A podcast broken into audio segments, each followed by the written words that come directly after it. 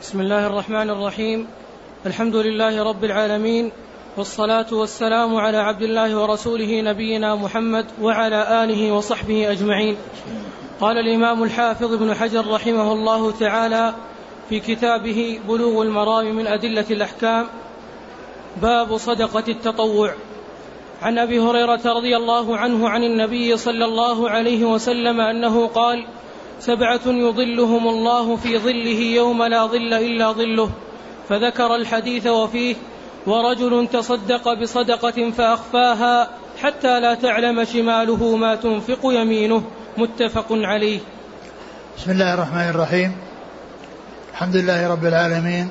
وصلى الله وسلم وبارك على عبده ورسوله نبينا محمد وعلى آله وأصحابه أجمعين يقول الحافظ رحمه الله في كتابه بلوغ المرام باب صدقة التطوع التطوع هو التنفل وهو النافلة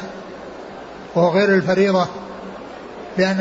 الفرائض مطالب يطالب بها كل من وجبت عليه أما التطوع فإنه مندوب ومستحب وهو المجال الذي يكون فيه التنافس في الطاعات والتقرب إلى الله عز وجل وأما الفرائض فإنها لازمة للجميع وهي المتعينة والمتحتمة وهي التي على الإنسان أن يحرص عليها وأن يحافظ عليها أي الفرائض لأن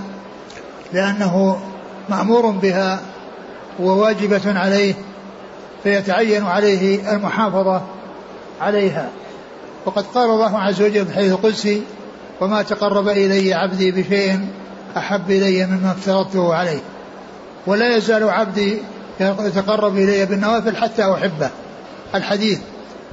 فالفرائض هي الأساس وهي التي لا بد منها وما زاد وما زاد على الفرائض فهو, فهو نفل وما زاد على الفرائض فهو نفل فالإنسان يؤدي الواجبات ويحرص على الاتيان بالنوافل والتقرب إلى الله عز وجل بالنوافل وهي تكمل بها الفروض إذا حصل فيها نقص أي في الفروض فإن النوافل تكملها كما جاءت بذلك السنة عن رسول الله صلى الله عليه وسلم ولا يهتم بالنوافل ويقصر في الفرائض فالفرائض متحتمة لازمة وهي التي يعاقب الإنسان عليها أما بالنسبة للنوافل فإنها زيادة في الخير يحرص عليها ولكن لا يشتغل بنفل عن فرض ولهذا جاء عن بعض العلماء أنه قال من شغله الفرض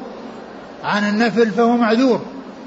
من شغله الفرض عن النفل فهو معذور ومن شغله النفل عن الفرض فهو مغرور ومن شغله النفل عن الفرض فهو مغرور لأنه اشتغل بمستحب ويعني وقصر في واجب وأمر متحتم ثم ذكر أحاديث منها حديث أبي هريرة رضي الله عنه السبعة الذين يظلهم الله في ظله يوم لا ظل إلا ظله عن أبي هريرة رضي الله عنه عن النبي عليه الصلاة والسلام قال سبعة يظلهم الله في ظله يوم لا, يوم لا ظل إلا ظله إمام عادل إمام عادل وشاب نشأ في طاعة الله عز وجل ورجلان تحابا في الله واجتمع على ذلك وتفرق عليه ورجل قلبه معلق بالمساجد ورجل ذكر ورجلان ورجل صدق بصدقة فأخفاها حتى لا تعلم شماله ما تنفق يمينه ورجل ذكر الله خاليا ففيض عينه هذا الحديث اشتمل على خمسة من الأمور على سبعة من الأمور المستحبة ومن الأمور التي فيها فضل عظيم وثواب جزيل وهي آه، وهي للذكور والإناث إلا فيما يتعلق بالإمامة فإنها خاصة بالرجال وأما ما عدا ذلك من النشأة آه، آه، على طاعة الله ومن المحبة في الله ومن ذكر الله ومن الصدقة ومن آه، آه، آه، غير ذلك فإن هذا مشترك بين الرجال والنساء وذكر الرجل لا مفهوم له بقوله ورجل تصدق بصدقة فأخفاها لا مفهوم له بل المرأة كذلك ولكن الغالب أن الخطاب مع الرجال فلهذا يأتي ذكر الرجال في كثير من الأحاديث لا لأن الحكم يخصهم ولا ولكن الأمر لهم وللنساء ولكن لكون خطاب غالبا يكون مع الرجال جاء التنصيص على الرجال في كثير من الأحاديث وقوله سبعة يظلهم الله في ظله هذا ذكر العدد ليس له مفهوم بمعنى أنه ليس هناك زيادة على ذلك بل جاء أحاديث تدل على زيادة في آه، آه، يعني أناس يظلهم الله في ظله غير هؤلاء السبعة ولكن هؤلاء السبعة ذكروا في حديث واحد وجمعوا في حديث واحد ونص عليهم في الحديث فصار آه، آه، الإضلال حاصل لهؤلاء لكنه لا يختص بهم فكل ما جاءت به السنة الصحيحة عن رسول الله عليه الصلاة والسلام من من غير هؤلاء السبعة فإنه يكون آه، له هذا الفضل وليس الأمر يعني وليس له مفهوم أي السبعة وقوله يظلهم الله في ظله المقصود بذلك ظل عرشه لأنه جاء في بعض الأحاديث الصحيحة أو الحسنة التقييد بذلك وعلى هذا فالظل ليس صفة لله عز وجل وإنما هو مخلوق من مخلوقات الله كما يقال بيت الله وعبد الله وناقة الله إن هذا من هذا القبيل ثم إن الحافظ رحمه الله ذكر محل الشاهد للترجمة وهو ما يتعلق بالصدقة صدقة التطوع فاقتصر عليه لأنه محل الشاهد قال ورجل صدق بصدقة فأخفاها حتى لا تعلم شماله ما تنفق يمينه والمقصود من ذلك أن الصدقة إذا كان إخفاؤها فيه مصلحة فإن هذا هو المطلوب ولهذا جاء بيان فضل من كان كذلك في هذا الحديث عن رسول الله صلى الله عليه وسلم لكن إذا كان إظهارها يترتب عليه فائدة ويترتب عليه مصلحة وهو أن يقتدى به ولم وكان بعيدا من من من الرياء ومن قصد الرياء ولكن أراد أن يقتدي الناس به وأن يتبعه الناس في ذلك إن هذا آه، مشروع وسائر وهو الذي جاء به الحديث عن النبي عليه الصلاة والسلام أنه لما أمر بالصدقة لما جاء ناس عليهم فاقة شديدة أمر أمر صلى الله عليه وسلم بالصدقة أمر عليه الصلاة والسلام بالصدقة فجاء رجل معه صرة كاد أن يعجز عنها عن حملها فوضعها فتتابع الناس تابعوه على ذلك عند ذلك قال عليه الصلاة والسلام من سن في الإسلام سنة حسنة فله أجرها وأجر من عمل بها يعني فإذا الإصرار أفضل ولكن إذا كان يترتب على الإظهار آه، مصلحة وفائدة فإن الإظهار يكون أولى والله عز وجل يقول إن تبدوا الصدقات فنعم النعم ماهي وإن تخطوها وتؤتوها الفقراء فهو خير لكم فال قوله رجل صدق بصدقة فأخفاها حتى لا تعلم شماله ما تنفق يمينه هذا مبالغة في الإقبال لأن اليمين أقرب شيء إلى الشمال فذكر هذا بيان للمبالغة في الأمر وشدة الإخفاء حتى لا يعني يعلم من كان قريبا عن ذلك الشيء الذي فعله الإنسان ورجل صدق بصدق فأخفاها حتى لا تعلم شماله ما تنفق يمينه وجاء في صحيح مسلم القلب يعني قلب هذا يعني القلب في هذا الحديث ورجل صدق بصدقة فأخفاها حتى لا تعلم يمينه ما تنفق شماله حتى لا تعلم يمينه ما تنفق شماله وهذا خطأ بلا شك لأن الإعطاء والأخذ والإنفاق إنما هو باليمين لا يكون بالشمال الإنسان الأخذ والإعطاء يكون باليمين لا بالشمال ولكن هذا من الخطأ الذي قد حصل ويقال له المقلوب ويقال له المقلوب لأنه انقلب بدل ما يكون آه، آه، حتى لا تعلم شماله ما تنفق يمينه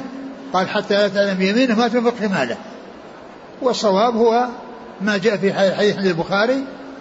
آه، حتى لا تعلم شماله ما تنفق يمينه وليس كما جاء في صحيح مسلم حتى لا تعلم يمينه ما تنفق شماله ومثل الحديث الذي جاء أيضا في في قضية الرجل الذي آه، آه، لا يؤدي زكاة ماله من الإبل فإنها فإن أنه جاء حتى أنها يبطح لها بقاع قرقر فتطأه بأقدامها كلما مر عليه أخراها رد عليه أولاها كلما مر عليه أخراها رد عليه أولاها انقلب أيضا الحديث في صحيح مسلم حتى لا تعلم حتى إذا مر عليه أولاها رد عليه أخراها إذا مر عليه أولاها يعني رد أخراها يعني هذا ليس في رد لأنه إذا مرت الأولى الأخرى وراها لكن الرد إذا كملت بحيث جاءت الأولى ثم جاءت الأخيرة رجعت الأولى من جديد فيكون يعني تذهب آه، تطعه ذاهبة وآيبة فالقول بأنه حتى إذا مر عليه أولاها رد عليه أخراها هذا فيه قلب كما جاء في آه، في هذا الحديث عن رسول الله صلى الله عليه وسلم نعم وعن عقبة بن عامر رضي الله عنه أنه قال سمعت رسول الله صلى الله عليه وسلم يقول كل امرئ في ظل صدقته حتى يفصل بين الناس رواه ابن حبان والحاكم ثم ذكر حديث عقبة بن عامر الجهني رضي الله عنه كل امرئ في ظل صدقته حتى يقضى بين الناس وهذا فيه يعني بيان عظيم الصدقة وبيان فضلها وأنها تكون ظلا لصاحبها فظللوا بها يوم القيامة يعني حتى يفصل بين الناس فهذا يفيد يعني عظم شأن الصدقة وعظيم شأنها وأنها مما يكون سببا للإضلال وذلك أن الله يجعلها يجعلها يعني الصدقة تكون ظلا يستظل به صاحب صاحبها يوم القيامة فهو دال على فضل الصدقة وعلى فضل الإحسان إلى الناس بالصدقات عليهم نعم وعن أبي سعيد الخدري رضي الله عنه عن النبي صلى الله عليه وسلم أنه قال أيما مسلم كسى مسلما ثوبا على عري كساه الله من خضر الجنة وأيما مسلم أطعم مسلما على جوع أطعمه الله من ثمار الجنة وأيما مسلم سقى مسلما على ظمأ سقاه الله من الرحيق المختوم رواه أبو داود وفي إسناده لين ثم ذكر هذا الحديث عن أبي سعيد رضي الله عنه وهو يتعلق بفضل الإحسان والصدقة يعني بالمال بالطعام وبالكسوة وبالماء لمن هو محتاج إليه فإن من آه، من كسى مسلما على عري يعني آه، كسي من آه، خضر الجنة يعني من اللباس الأخضر الذي هو يكون في الجنة ومن أطعم مسلما على جوع آه، سقاه الله أطعمه الله من ثمار الجنة ومن سقى مسلما على ظمأ سقاه الله من الجنة من الرحيق المختوم وهذا فيه الجزاء من جنس العمل الجزاء من جنس العمل لأن لأنه كسى فكسي وأطعم فأطعم وسقى فسقي فكان الجزاء من جنس العمل الجزاء من جنس العمل والحديث ذكر الحافظ أن في سنده لين لأن في سنده أبو خالد الدالاني وفيه كلام ومن العلماء من حسن حديثه ولا شك أن آه، أن الله عز وجل آه، يجازي يعني على الأعمال الصالحة بمثلها وبغير ذلك وقد جاءت الأحاديث الكثيرة في بيان الجزاء من جنس العمل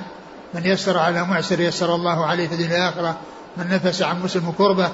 من كرب الدنيا نفس الله عنه كربة من كرب يوم القيامة من ستر مسلما ستره الله في الدنيا والآخرة من سلك طريقا يلتمس فيه علما سهل الله له طريقا الجنة كل هذا الجزاء فيه من جنس العمل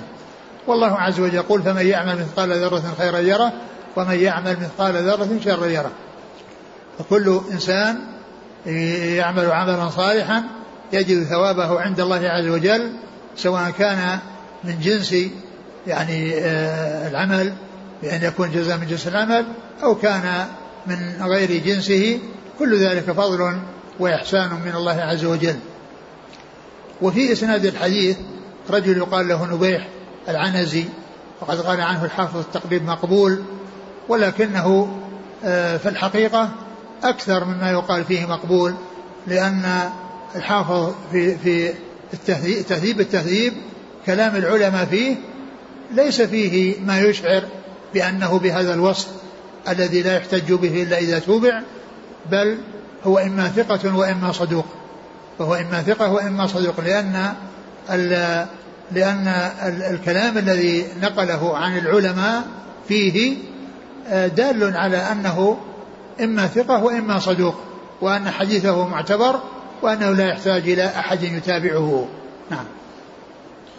وعن حكيم بن حزام رضي الله عنه عن النبي صلى الله عليه وسلم أنه قال اليد العليا خير من اليد السفلى وابدأ بمن تعول وخير الصدقة عن ظهر غنى ومن يستعفف يعفه الله ومن يستغني يغنه الله متفق عليه واللفظ للبخاري ثم ذكر حديث حكيم بن حزام رضي الله عنه اليد العليا خير من اليد السفلى اليد العليا هي المعطية واليد السفلى هي الآخذة ففيه يعني بيان فضل الإعطاء وبذل المعروف والإحسان فاليد العليا خير من اليد, اليد العليا خير من اليد السفلى يعني العليا تنفق وتعطي والسفلى تأخذ فهذا معطي وهذا معطى ومعلوم أن أن من أعطى أنه مأجور على يعني على ما فعل وهو أعلى ممن لم يحصل منه الإعطاء وإنما آه، حصل له الإعطاء وأنه قد أعطي الأيدي العليا خير من الأيدي السفلى فهي يعني فهي فعلا يعني فوق لأن الإنسان يعني يعني يعطي وهذا يأخذ وأيضا من حيث المعنى أن الخيرية موجودة وذلك للإحسان والله يقول فمن يعمل مثقال ذرة خيرا يره ومن يعمل مثقال ذرة شرا يره اليد العليا خير من اليد السفلى اليد العليا خير من اليد السفلى ومن يستغني يغنيه الله من يستغني عن الناس والتطلع إلى ما في أيديهم يغنيه الله يغنيه الله عز وجل من فضله ومن يستعفف يعفه الله من يستعفف عن من يتصف بالعفة ويعني يكون محتاج ولكنه لا يشغل نفسه بالسؤال و يعمل الأسباب التي يحصل بها الرزق من غير يسأل الناس إذا حصل ذلك فإن هذا لا شك أن هذا من الأمور محمودة لكن اضطر الإنسان إذا إن اضطر إلى السؤال يسأل إن اضطر الإنسان لأن يسأل يسأل ومن يستعفف يعفه الله يعني من يتعفف عما في أيدي الناس ويكون عنده قناعة وعنده آه، صبر واحتساب واستغناء عما في أيدي الناس فالله تعالى يرزقه العفة ويملأ قلبه ويجعل في قلبه القناعة ومعلوم أن الغنى غنى النفس ليس غنى اليد الغنى في الحقيقة غنى النفس لأن النفس إذا كانت غنية كل شيء يعني معها يكون خير وأما إذا كانت الغني اليد النفس غير غنية فإنه لا يكفيها الكثير الكثير لا يكفيها ولكن إذا كان فيها قناعة وفيه آه، يعني فيه غنى في النفس فإن الشيء القليل يكون كثيرا وبخلاف ذلك الشيء الكثير يعتبر قليلا مع آه، الشح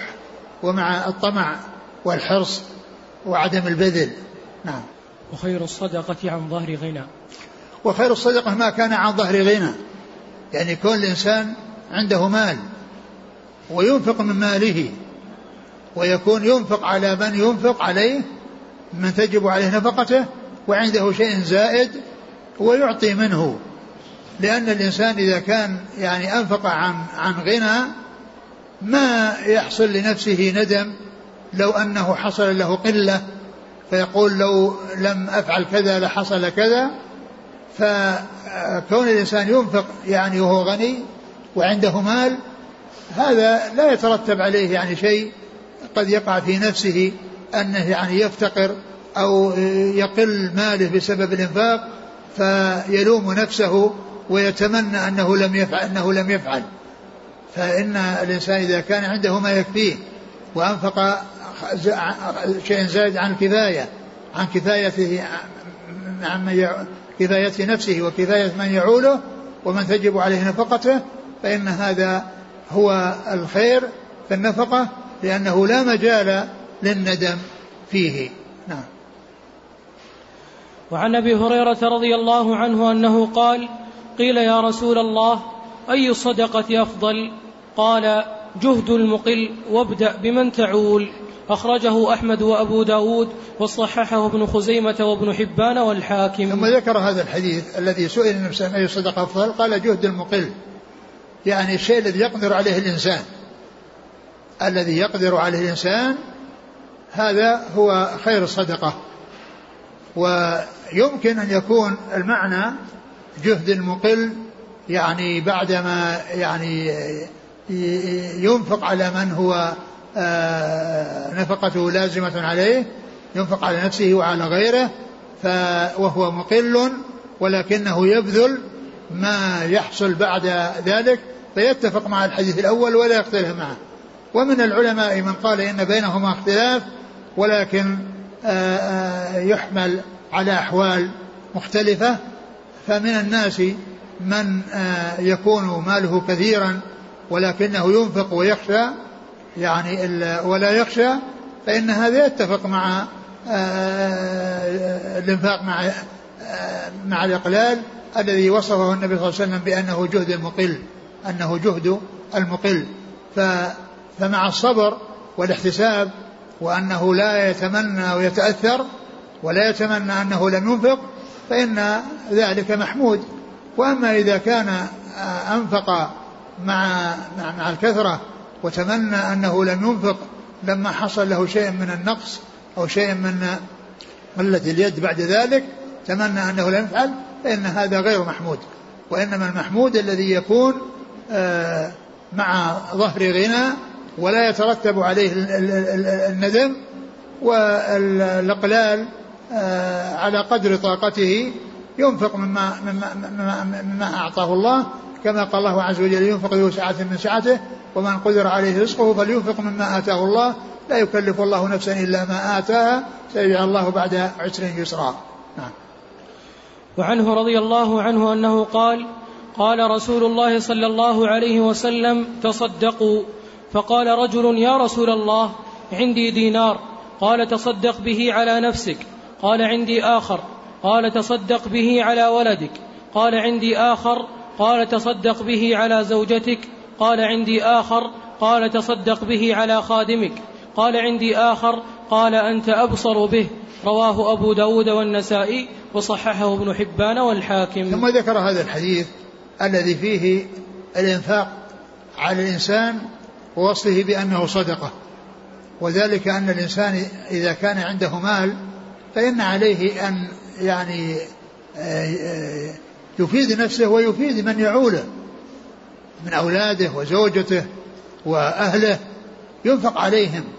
لا يقصر في النفقة عليهم فيجعلهم يحتاجون إلى الناس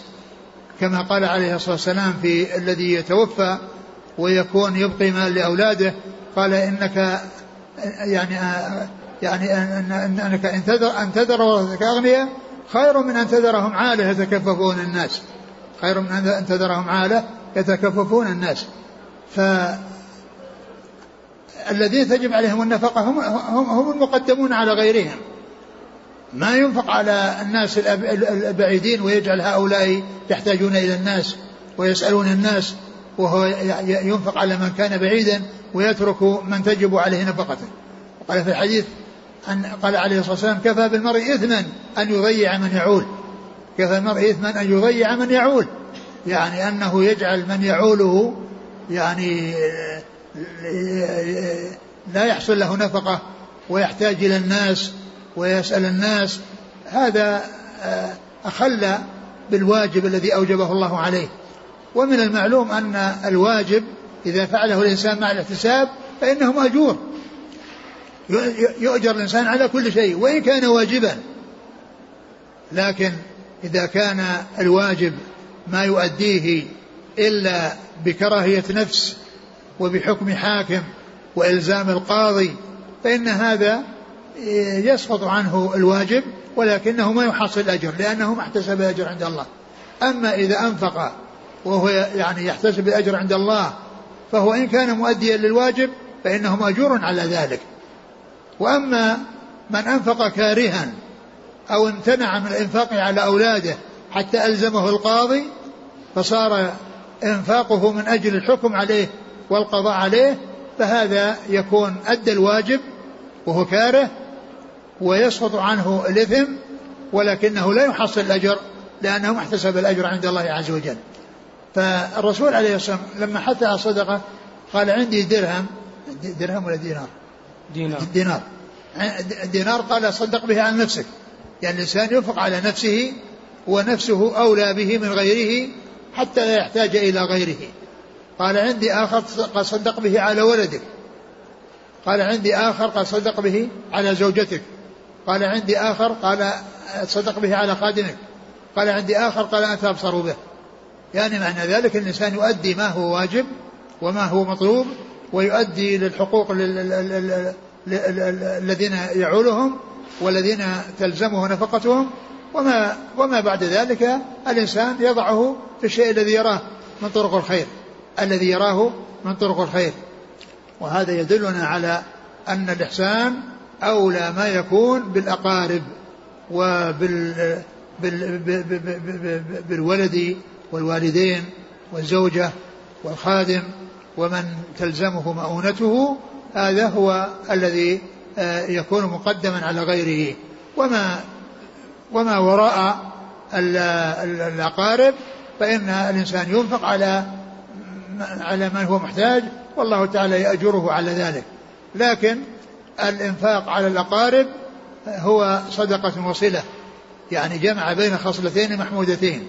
وفي في في هي صدقة وفي نفس الوقت هي صلة أرحام والله تعالى أعلم وصلى الله وسلم وبارك على أبي ورسوله نبينا محمد وعلى آله وأصحابه أجمعين جزاكم الله خيرا ووفقكم الله وسدد خطاكم وغفر الله لنا ولكم وللمسلمين أجمعين